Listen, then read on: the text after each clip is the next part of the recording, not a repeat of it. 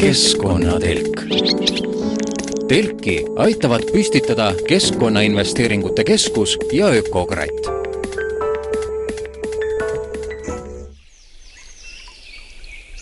tere! keskkonnatelk on taas püsti ja sedapuhku Eestimaalt päris kaugel, Portugalis ühest põnevast äh, Portugali reisist on rääkimas täna noor kena inimene Eva Ladva, mina olen saatejuht Kadri Valner. Eva, võib-olla kõigepealt olekski õige, kui sa iseennast tutvustad, sellepärast et äh, me ei räägi mitte lihtsalt ühest Portugali reisist, vaid sinu reis oli seotud ja selline hästi mm, eesmärgipärane. kes sa oled? Eh, tere, Kadri, ja tere ka kõigile kuulajatele! nagu sa juba ütlesid, mina olen Eeva ja juba mõned aastad on mind väga-väga huvitanud äh, ökokülad, kogukonnad ja üleüldse selline terviklik äh, elamise viis ja maailmavaade.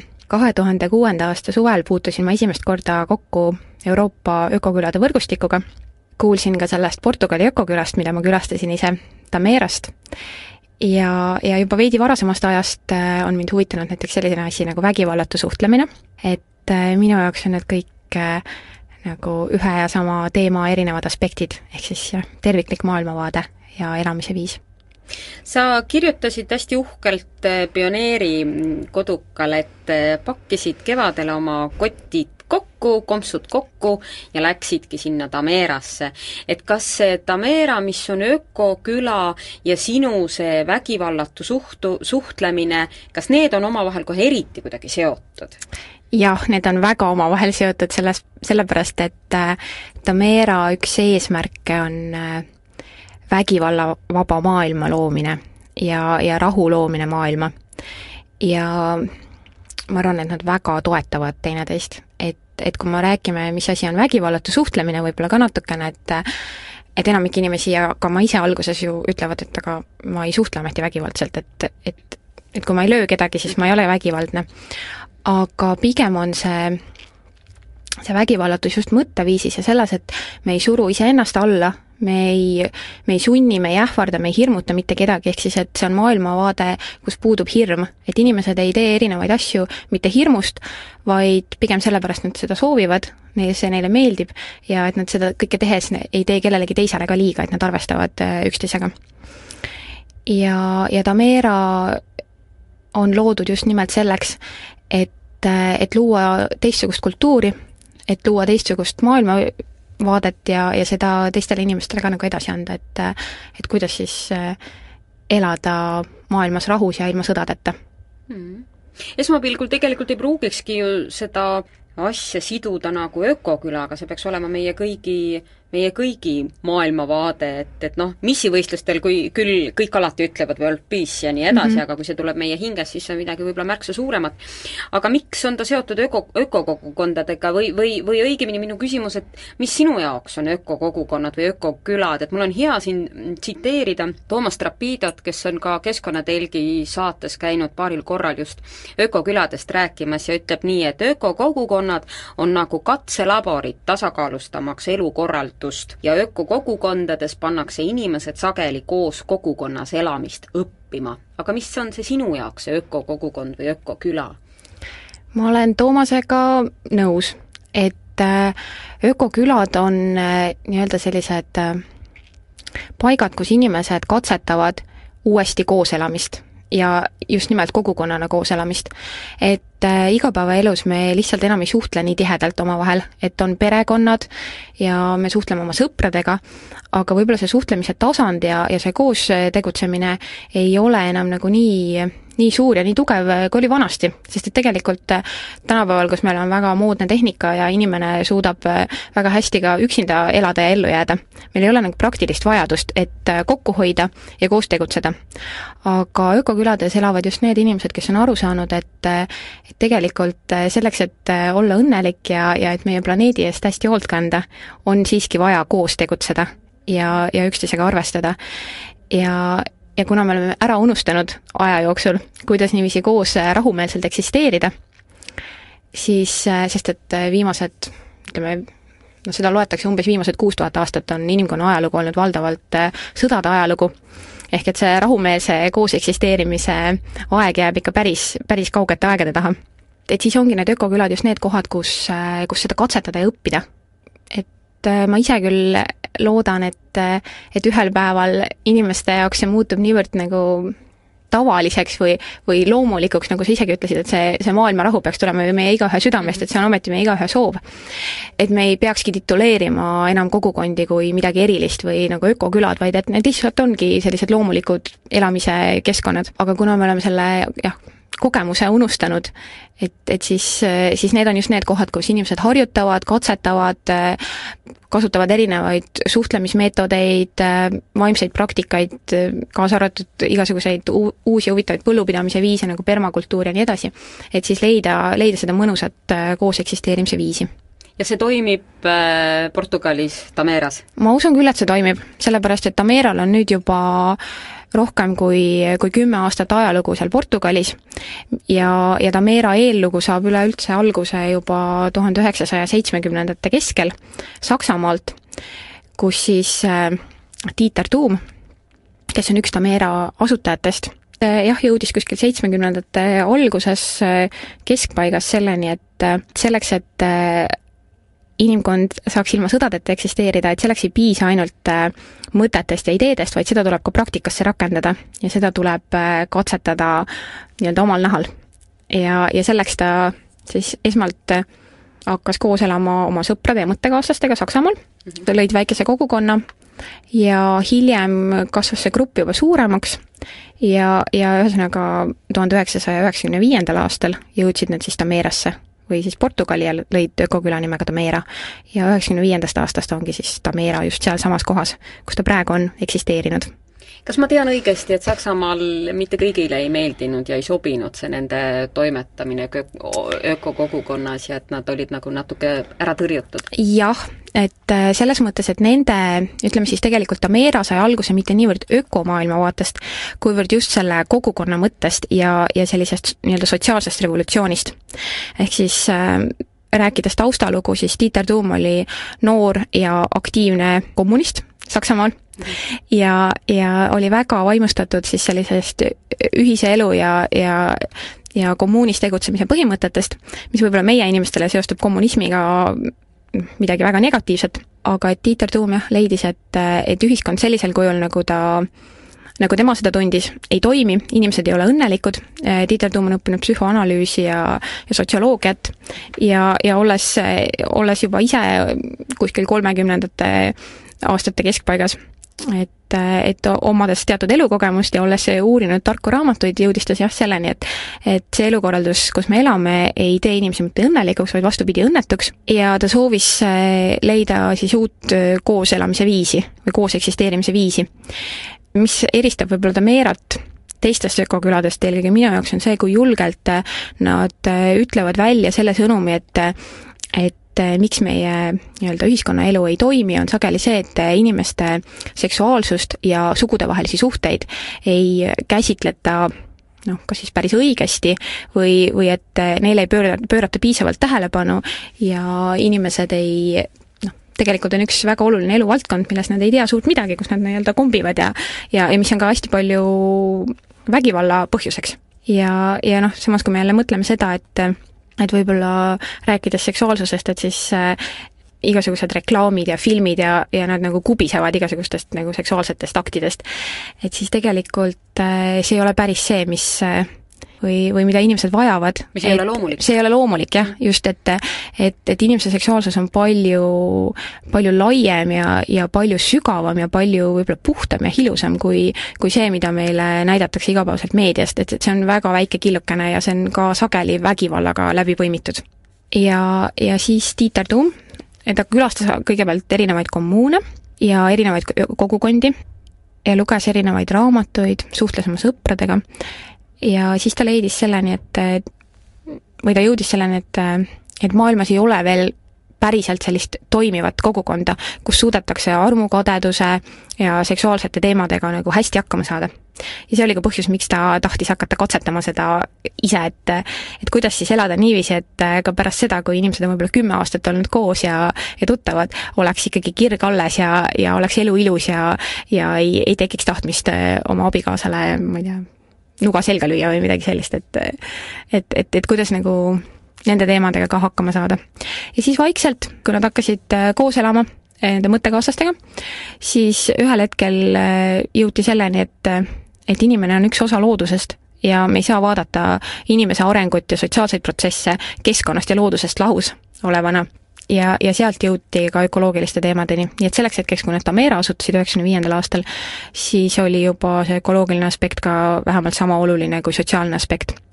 et siis, kui sa, Tiiter Tuum hakkas oma sõpradega koos elama ja eksperimenteerima, siis nende põhieesmärk oli lammutada olemasolevad mõttemustrid iseendast, inimestest ja maailmast.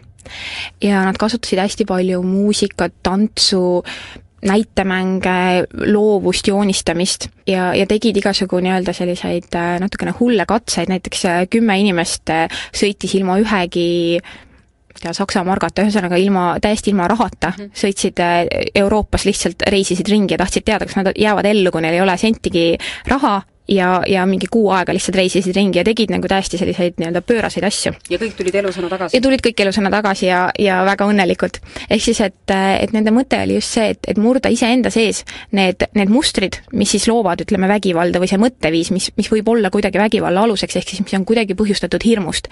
et õppida usaldama iseennast, inimesi, maailma enda ümber. Nad alustasid võib-olla kümnekonna inimesega ja siis ühel hetkel oli neid seal juba kuskil ma arvan seitsmekümne ringis ja, ja see info hakkas levima ja Saksamaal oli see siis äh, päris äh, suur skandaal, ajakirjandus võttis selle teema ülesse ja, ja siis hakkas nii-öelda selline nõiajaht. Neid äh, tituleeriti mingiks väga kahtlaseks sektiks ja, ja nad said väga sellise jah, kriitika, suure kriitika osaliseks, nii et neil oli suhteliselt raske seal Saksamaal jätkata.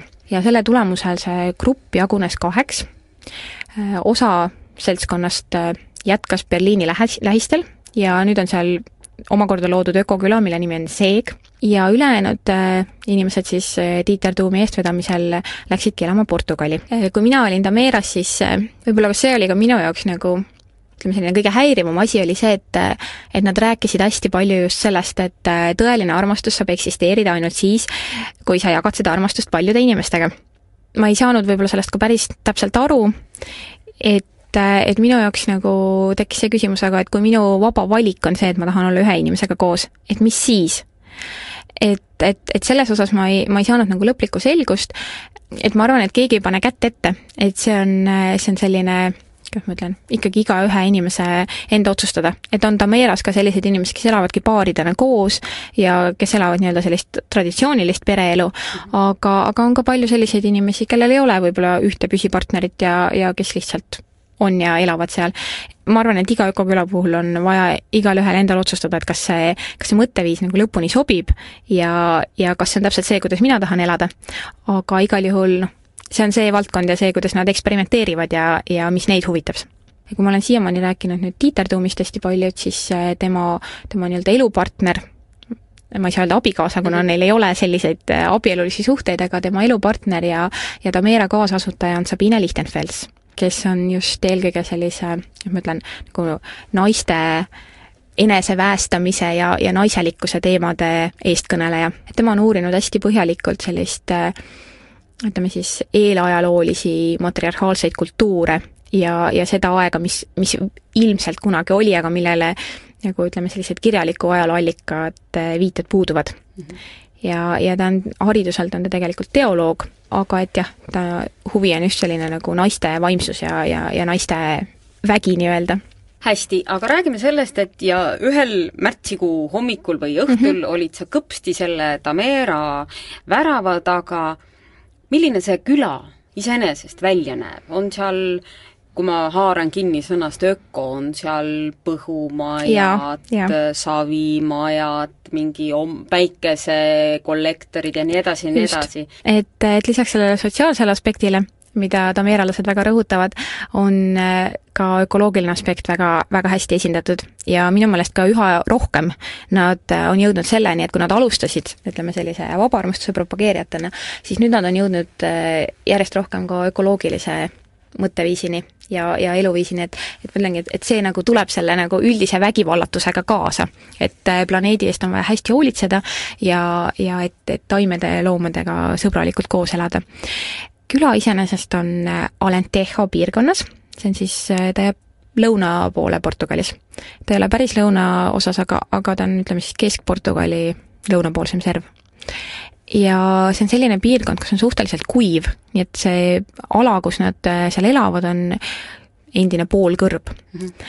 ja nad on ise ehitanud või kaevanud sinna mõned tehisjärved, selleks et seda ökosüsteemi kohalikku siis äh, tasakaalustada, sinna rohkem rohelust tuua, taimi, ja samamoodi minu meelest nad puhastavad, äh, puhastavad vett niiviisi, et, et kui sa tahad duši alla minna, siis, siis duši alla sa saad minna nii-öelda puhastatud vesi, et mitte ei ole otse nagu maapõuest võetud vesi.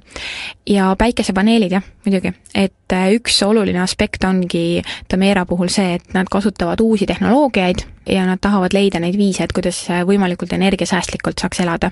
ja kuna Portugalis on väga palju päikest, siis, siis enamik nende energiat tulebki ja, ja ka elektrit tuleb päikesest ja noh, muidugi seal külas olles oli see oluline, et et ka niisugune, ütleme, energiasäästlik tarbimine, et äh, duši alla sai minna ainult äh, õhtuti ja, ja pärastlõuna, siis kui päeval oli päike vee soojaks kütnud ja, ja samamoodi oli ka, ütleme, arvuti kasutamine ja, ja näiteks fööne ei soovitatud kaasa võtta või ütleme, selliseid mõttetuid elektrilisi vidinaid, ilma milleta sa saad hakkama.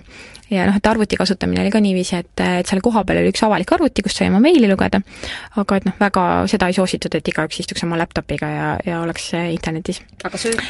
söök oli taimne, kõik taimetoit.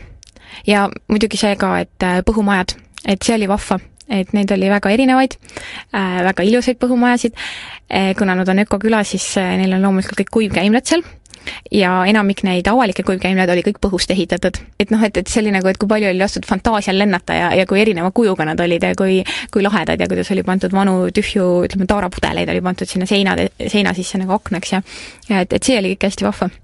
ja, ja näiteks nende selline suur kogunemise maja või, või ütleme siis noh, ma ei saa öelda kultuurimaja, aga midagi sellist, et, et küla, külakeskus, see oli ka ehitatud äh, põhust. ja ma arvan, et see oli kindlasti mingi no võib-olla sada viiskümmend, paarsada ruutmeetrit. et, äh, et see oli vahva. jah, ja söök oli taimetoit. ja piimatooteid ei olnud ka praktiliselt üldse kas nad ise kasvatavad või? osaliselt kasvatavad ise ja osaliselt ostavad sisse. noh, ütleme nii, et nende põhifookus ei ole toidu kasvatamine, aga loomulikult nad seal kohapeal teevad permakultuuri ja, ja sellist äh, aiandust ka natukene, et pigem on neil jah, rõhk, ütleme, sellel sotsiaalsel tööl ja ütleme, sellisel rahu toomisel maailma ja, ja siis sellel, ütleme, uute tehnoloogiate kasutamisel.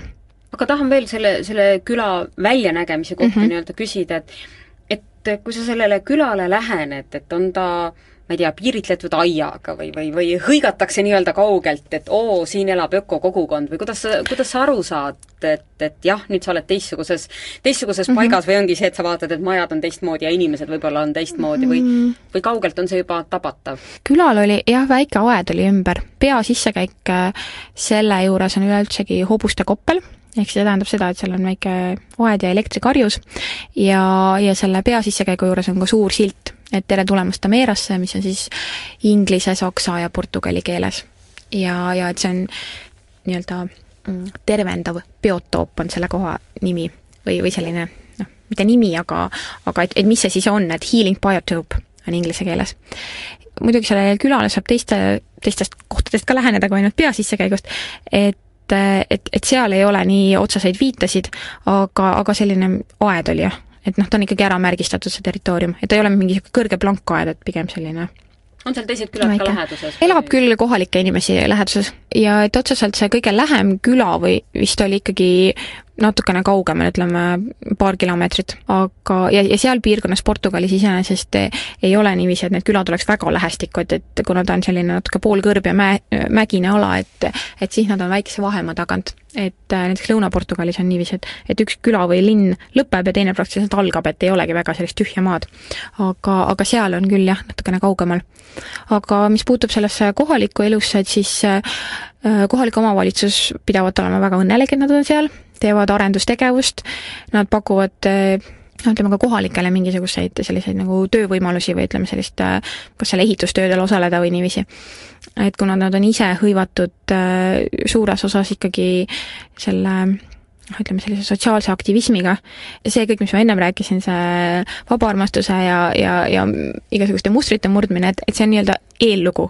aga see, mida nad praegu seal kohapeal teevad, on, on siis selline rahutöö ehk siis, et nad suhtlevad erinevate organisatsioonidega üle maailma, kes on samuti rahu toomisest huvitatud, nad käivad kriisipiirkondades, näiteks Palestiinas ja Iisraelis, Kolumbias, kus on, kus on see just sellised vägivalla ja konfliktipiirkonnad, siis äh, sellesama Sabine Lichtenfelsi eestvedamisel on tehtud mitu palverännakut, ehk siis jalgsi Portugalist äh, Iisraeli, Palestiinasse, äh, just selle mõttega, et tõmmata tähelepanu sellele kriisisituatsioonile seal ja, ja nad käivad ja teevad ühispalveid ja meditatsioone ja, ja, ja toetavad neid kohalikke inimesi, kaasa arvatud näiteks seal kohapeal sai osta Palestiina naiste käsitööd, noh, et ka rahaliselt toetavad.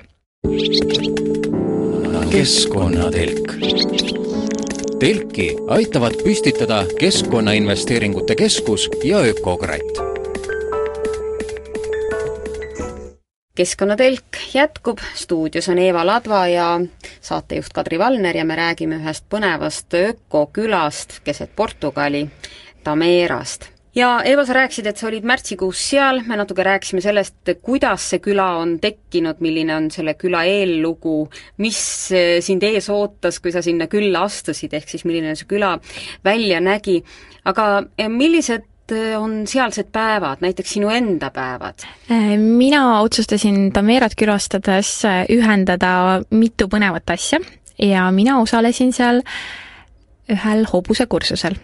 ehk siis selle kursuse eesmärk oli õppida vägivallatult ratsutama ja hobustega suhtlema ja vägivallatult siis ka hobuse jaoks, et ta tahaks, et sa talle selga lähed? just mm, -hmm. just, et mitte see ei tähenda selles mõttes vägivallatult, et ma sealt maha ei kuku, vaid et, et just, et hobusega kontakti saavutada ja, ja hobusega suhelda.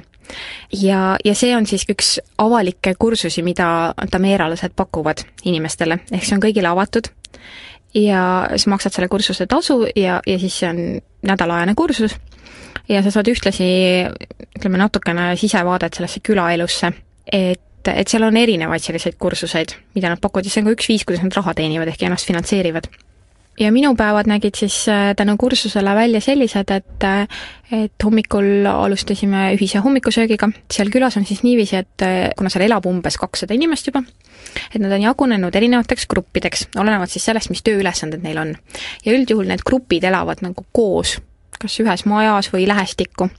ja aga need ei ole mitte pered, vaid Nad ei ole pered, nad on nagu töö, nii-öelda mm. töögrupid, noh, väiksemad nagu siis kogukonnad. ja, ja nende sees võivad siis inimesed perede kaupa elada või, või, või üksikult või, või noh, mhm. kuidas iganes neile meeldib. ja siis nad äh, teevad tavaliselt koos süüa nende gruppide juures ja, ja ühtlasi nad tegelevad nii-öelda sisemise tööga. aga et põhimõtteliselt siis äh, külalised ja, ja siis äh, koolitustel osalejad on siis need, kes seal ühiselt käivad söömas. et äh, Tameras just lõppes üks kolmeaastane koolitusprojekt, mille nimi oli Montezerro Rahuülikool, Montezerro on siis selle selle koha nimi nagu Portugali poolt, et Tamera on nagu pandud nimi, aga, aga Montezerro on siis see külakene, mis, mis seal on olnud juba kauem kui Tamera ise. ja see just lõppes nüüd äh, aprilli lõpus. nii et noh, minu külastus oligi nii märtsi lõpp, aprilli algus. ja, ja siis need nii-öelda rahu, Rahuülikooli tudengid kes siis kolm aastat seal kohapeal elasid, aga kes ei olnud püsielanikud, et äh, nemad käisid seal söömas ja siis jah, kõik külalised ja kursustel osalejad. ja siis seejärel me läksime hobuste juurde, kus me siis äh, veetsime umbes kolm tundi või nii, millele järgnes äh, lõunasöök ja siesta ja, ja siis pärastlõunal jälle jällegi see kursus jätkus. ja igal igal hommikul see kursus, mis oli ka võib-olla hästi Tamerale iseloomulik, oli see, et et me alustasime unenägude foorumiga. et lisaks sellele, et me õppisime ratsutamist, meil oli vaja oma unenäod, mida me öö jooksul nägime, kõik meelde jätta ja siis nendest hommikul rääkida. ja, ja nii uskumatu, kui see ka ei tundu, siis inimesed esimesel päeval ütlevad, et ma ei näe unenägusid, ma näen neid nii harva või, või no kui ma näen, siis ma ei mäleta neid. siis me kõik eh, praktiliselt mäletasime ja saime neid jagada, et noh, selleks on mõned nipid, kuidas oma uned meelde jätta. ja, ja see on võib-olla ka näide sellest nii-öelda sellest sisemisest tööst, mida nad seal teevad. et kõik need grupid, kes koos elavad, siis lisaks sellele, et nad teevad nii-öelda füüsilises maailmas tööd, on oluline ka see vaimne aspekt ja, ja töö oma sisemiste protsesside ja emotsioonidega. et see on ka üks ütleme, üks nii-öelda tööriist või viis, kuidas kogukonnas usaldust luua. et üks sõnum, väga oluline sõnum tameeralastel on see, et usaldus on maailmas kaduma läinud ja meil on vaja see uuesti üles leida. ja, ja usalduse puudumisest tekib vägivald, usalduse puudumisest tekib hirm ja, ja usaldus eelkõige lähisuhetes on tarvis uuesti üles leida ja et kogukond saab toetada selle usalduse tekkimist ja, ja hoidmist. kui nad siis alustavad oma päeva, ilmselt ka söögi, mediteerimise, ütleme selliste ühiste protseduuridega, et siis, äh, siis pärast seda on neil selline nii-öelda foorum, ring või, või kus siis igaüks jagab seda, mis, mis tema sees parasjagu toimub, mis tema elus on toimumas, ja siis teised saavad teda toetada või lohutada või noh, olla talle toeks kuidagi. ja siis osa päevast on, on siis pühendatud puhtalt sellisele tööle emotsioonidega, noh meie mõistes ta võib olla nagu mingi teraapiagrupp, kui keegi kuulajatest on on osalenud mõnel sellisel enesearengu kursusel või, või, või sellises grupiteraapias, psühhoteraapias, et, et siis midagi sellist nad teevad seal iga päev kas neil kella kusagil on üldse? Neil on väga-väga täpne ajaarvestus. tõsiselt, mina just äh, mõtlesin, noh, kella järgi ja. ei saa ju panna oma tundeid väljendama või kuidas? Seda ei saa küll teha, aga, aga samas äh, ma arvan, et et, et seda noh, nii-öelda seda rütmi saab nagu suunata või. ehk siis, et, et ka meie seal hämmastavalt hästi pidasime kellaajast kinni kui me seal tegime oma unenägude foorumit, kui me tegelesime hobustega, aga see oli niiviisi, et ütleme, selle kellaaeg oli fikseeritud, millal me alustame, millal me lõpetame, aga selles aja sees me olime paindlikud. et see mulle meeldis, et tõesti, et kui, kui kellelgi oli seal midagi väga intensiivset väljendada ja jagada, siis ei olnud mitte niimoodi, et stopp, et nüüd on sinu minutite arv on täis, lähme edasi, vaid siis me lihtsalt mängisime selle ülejäänud päevakava niiviisi ümber, et me ikkagi ajaraamidesse ära mahuksime ja et kellelegi ei tehtaks liiga, keegi ei jääks välja ja samas, et me jõuaksime kõik asjad ära teha, mida oli vaja. ja, ja nõnda nende päevad siis kulgevadki. et, et nagu ma aru sain, siis neil on suhteliselt, kohalikel inimestel on suhteliselt kindla kava järgi planeeritud päev. ja nii-öelda sellist isiklikku ruumi või seda oma aega on suhteliselt vähe et mõned, mõned kohalikud seal ka mainisid seda, et et, et see ei ole päris see, noh, kuidas nad tahavad elada ja, ja, ja seal oli üks grupp inimesi, kes, kes plaanis osta maad Tameera lähedale ja, ja minna siis sellist, ütleme, vabam, selles mõttes vabamat, et et ajagraafikust vabamat elu elama, aga et samas ikkagi sinna Tameera lähedale, et mitte nagu kuskile mujale laia maailma, aga kuna neil on ütleme siis seatud eesmärgid tuua maailma rahu ja teha sellist poliitilist tööd ja teavitustööd, siis nad peavad ikkagi jälgima aega ja peavad efektiivselt töötama see ei ole päris selline koht, et nad lihtsalt lähevad ja unistavad ja räägivad oma unenägudest, vaid et selle kõrval tuleb ikkagi noh, ütleme meie mõistes teha ka päris kõvasti korralikult tööd. Milline nägi välja sinu see vägivallatu ratsutamine, et millised kuidas sa hobustega suhtlesid või, või kuidas hobune sinuga suhtles? Selle vägivallatu ratsutamise juures on kõige olulisem kontakti loomine hobusega. ja minu jaoks isiklikult oli see ka üks kõige raskemaid asju. et et, et selles suhtes ma arvan, iga loomaga suhtlemine ja iseäranis hobusega suhtlemine, sest hobune on nii suur ja, ja, ja selles suhtes nagu inimesest suurem loom mm, -hmm. et jõuga ei ole võimalik seal eriti midagi teha. et see on alati natukene ka teraapiline või see on nagu väga arendav inimese enda jaoks. enesekasvatav. just, just. et selleks, et äh, kõigepealt üldse hobusele läheneda, läheneda, sa peadki leidma üles selle usalduse et paljud inimesed kardavad hobuseid, ka mina ise veel mõned aastad tagasi, just sellepärast, et ta on nii suur ja sa ei tea kunagi täpselt, mida ta teeb. ja, ja sel juhul sul ongi vaja leida see usaldus, et, et ma usaldan ja ma lähen tema juurde. ja jah, kõige olulisem oli kontakti loomine. ja meie juhendaja Almut, kes on nüüd seda hobuse projekti vedanud juba vist umbes kümmekond aastat, ta oli väga terava silmaga selle koha pealt, et seal väga viilida ei andnud. kui mina ei saanud sellest aru, kas mul on hobusega kontakt või mitte, siis tema sai sellest väga hästi aru. ja, ja, ja ta manitses meid, et ütleb, et nii, nüüd sul on see kontakt ja nüüd sul seda ei ole. et, et loo see uuesti. kuidas ma ütlen, see on tajutav mitte, seda ei saa kuid-, noh, silmaga on ta kõrvalt, on ta nähtav, aga eelkõige on see kuidagi sellise intuitsioonil baseeruv see kontakti loomine hobusega. ehk siis ja kui see on, kontakt on loodud, siis juba on okei okay minna hobusele ligi, panna talle päitsed pähe ja, ja, ja siis noh, tasapisi ka ratsutama hakata. aga, aga et just see kontakti loomine on kõige olulisem. ja ma arvan, et noh, see on, see on üleüldse eh, suhetes kõige olulisem, ka inimeste vahelistes, vahelistes suhetes. aga kas ei või olla selline nii-öelda trikk või hookus-pookus, et kui sulle nüüd mees ütleb, et vaata, nüüd sul on kontakt ja nüüd sul ei ole, et tegelikult on need hobused nii-öelda treenitud alguses ennast mitte kätte andma ja, ja, ja siis nad on harjunud, et pärast mingi aja möödumist paneb inimene neile päitsed pähe ja nii edasi, et mm, ma arvan seda, et noh, treenitud on nad nii või teisiti sest et äh, see oleneb hästi palju sellest tõesti hobuse kasvatusest ja treeningust, kuidas temaga suhelda. et hobune, kes on harjunud piitsa saama regulaarselt, siis ma arvan, et ta ei saaks mitte midagi aru sellest, kui sa lähed talle lihtsalt ligi. aga, aga ma võin nagu seda öelda, et äh, et nii palju, kui mina olen hobustega kokku puutunud, siis minu meelest need on nagu väga head peeglid ja, ja nagu lapsed ja loomad samamoodi, et äh, nad peegeldavad seda tagasi sinu enda sisemist seisundit. ja, ja, ja ma võin oma kogemuse põhjal küll öelda, et, et see, kuidas see juhendaja, ta oli, Almut oli tegelikult hoopiski naisterahvas jah, see nimi kõlab. jah, väga mehelikult. jah, mina arvasin ka alguses, et ta on mees, aga, aga tegelikult oli naine. see, mida tema ütles ja minu enda tagasi vaadates, mu enda sisetunne, et need läksid kokku küll. et kui mina esialgu läksin hobuse juurde nagu selle mõttega, et ma tahan ratsutada, ma tahan ratsutada, ma tahan nagu ruttu, ruttu, ruttu, ruttu jõuda nagu eesmärgini, siis see hobune ignoreeris mind ja kõndis mu eest ära. ja alles siis, kui ma lasin selle nii-öelda selle, selle mõtte lahti, et, et ma pean temaga selle nädala jooksul ilmtingimata ratsutama, siis hakkas alles nii-öelda jää murduma või ma jõudsin nagu temani, et et see on, ilmselt see oleneb inimeste tundlikkusest ka, et aga, aga ma noh, mulle siiski tundub, et see on, see on suht hästi tajutav ja aga sinu jaoks oligi nagu üks hobune, kellega sa tegelesid, et see oli sulle määratud, mitte Just. nii, et äkki see oleks sobinud kellegi teisega? see oli niiviisi, et meil oli kaheksa äh, kursusel osalejat ja kaheksa hobust ja, ja siis see Almut äh, kursuse juhendaja määras igale ühele oma hobuse ja muidugi kõik võisid öelda, et ei, ma ei taha seda hobust või et ei sobi. aga üldjuhul me ikkagi, igaüks jäi oma hobuse juurde ja hobused olid väga erinevad.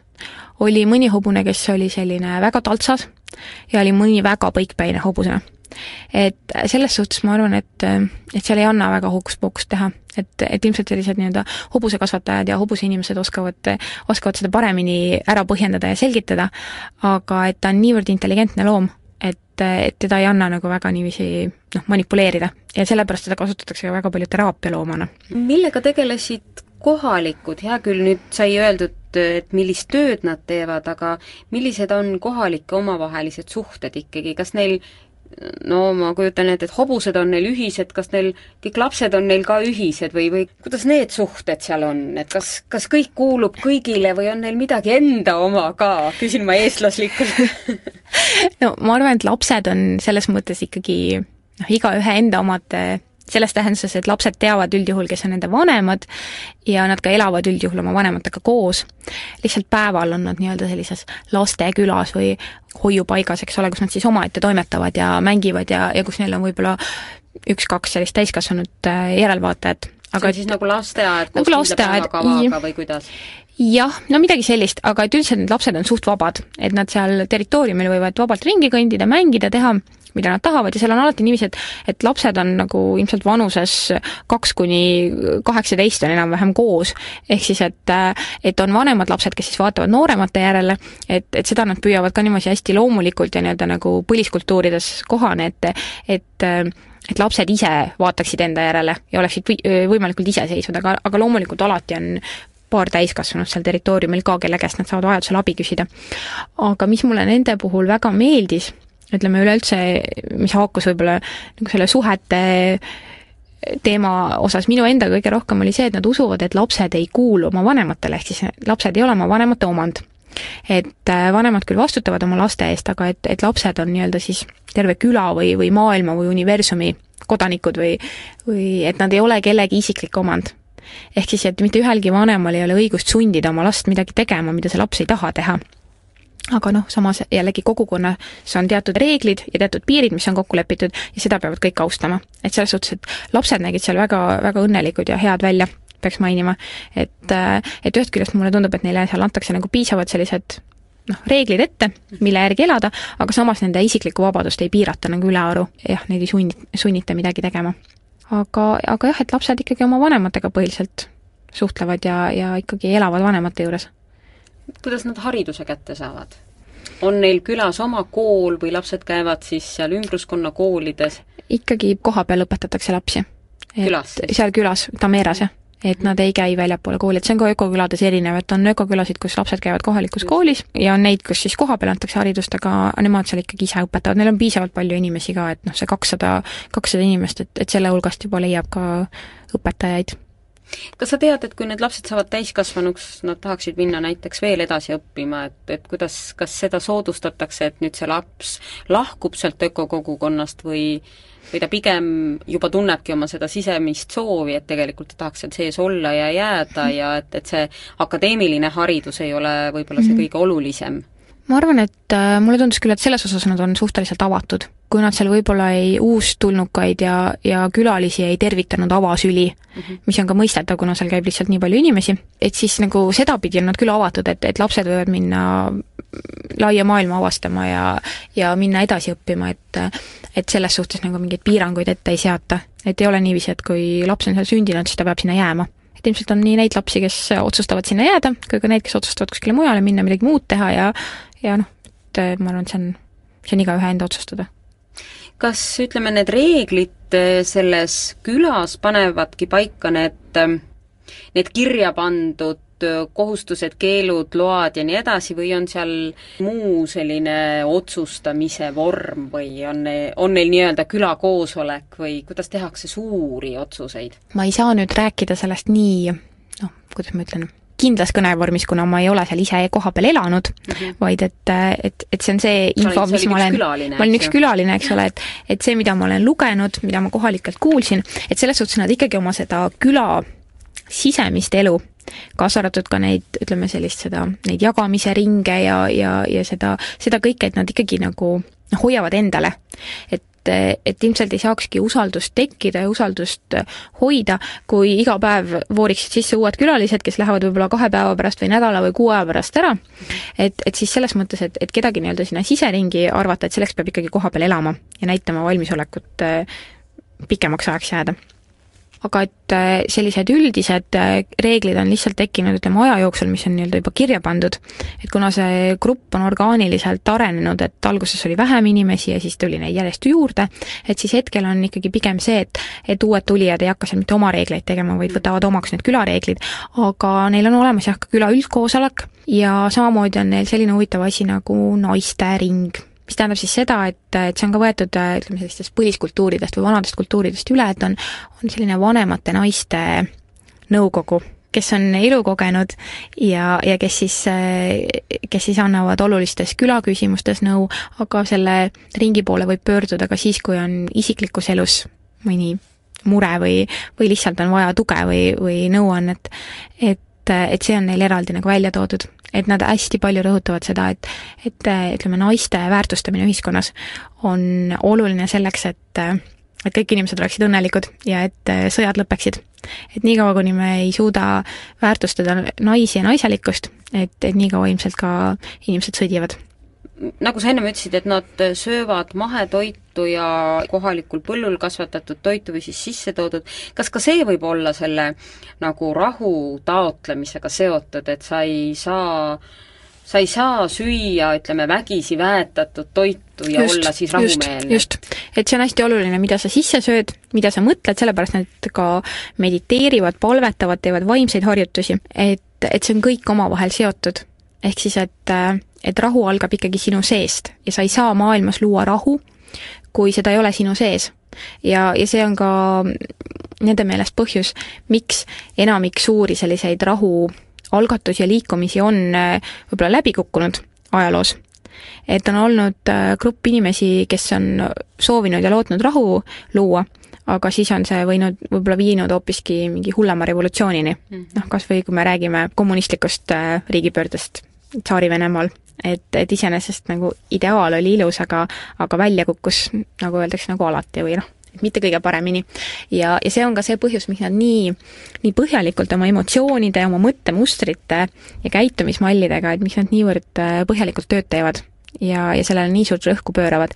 just nimelt see, et olla siis ise, ise harmoonias ja kooskõlas iseendaga. ja toite, see, mida nad nüüd ise ei kasvata, selle nad ostavad kohalike talunike käest, et nad ei too väga kaugelt sisse.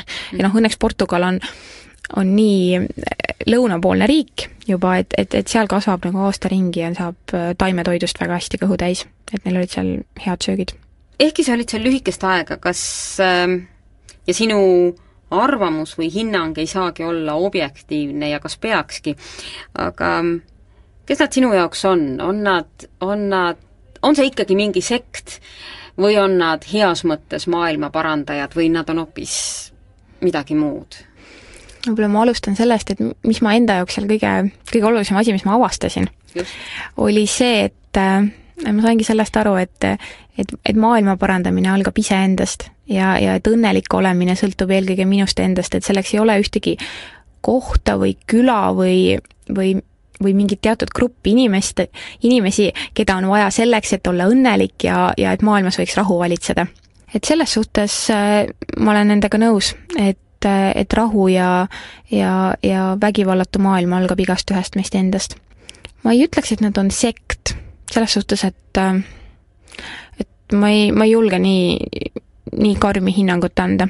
Neil on väga kindlad äh, põhimõtted, neil on äh, kirja pandud ideed, need kohalikud inimesed kõik usuvad sellesse, et äh, natuke nad meenutasid mulle sellist võib-olla nagu kirikukogukonda.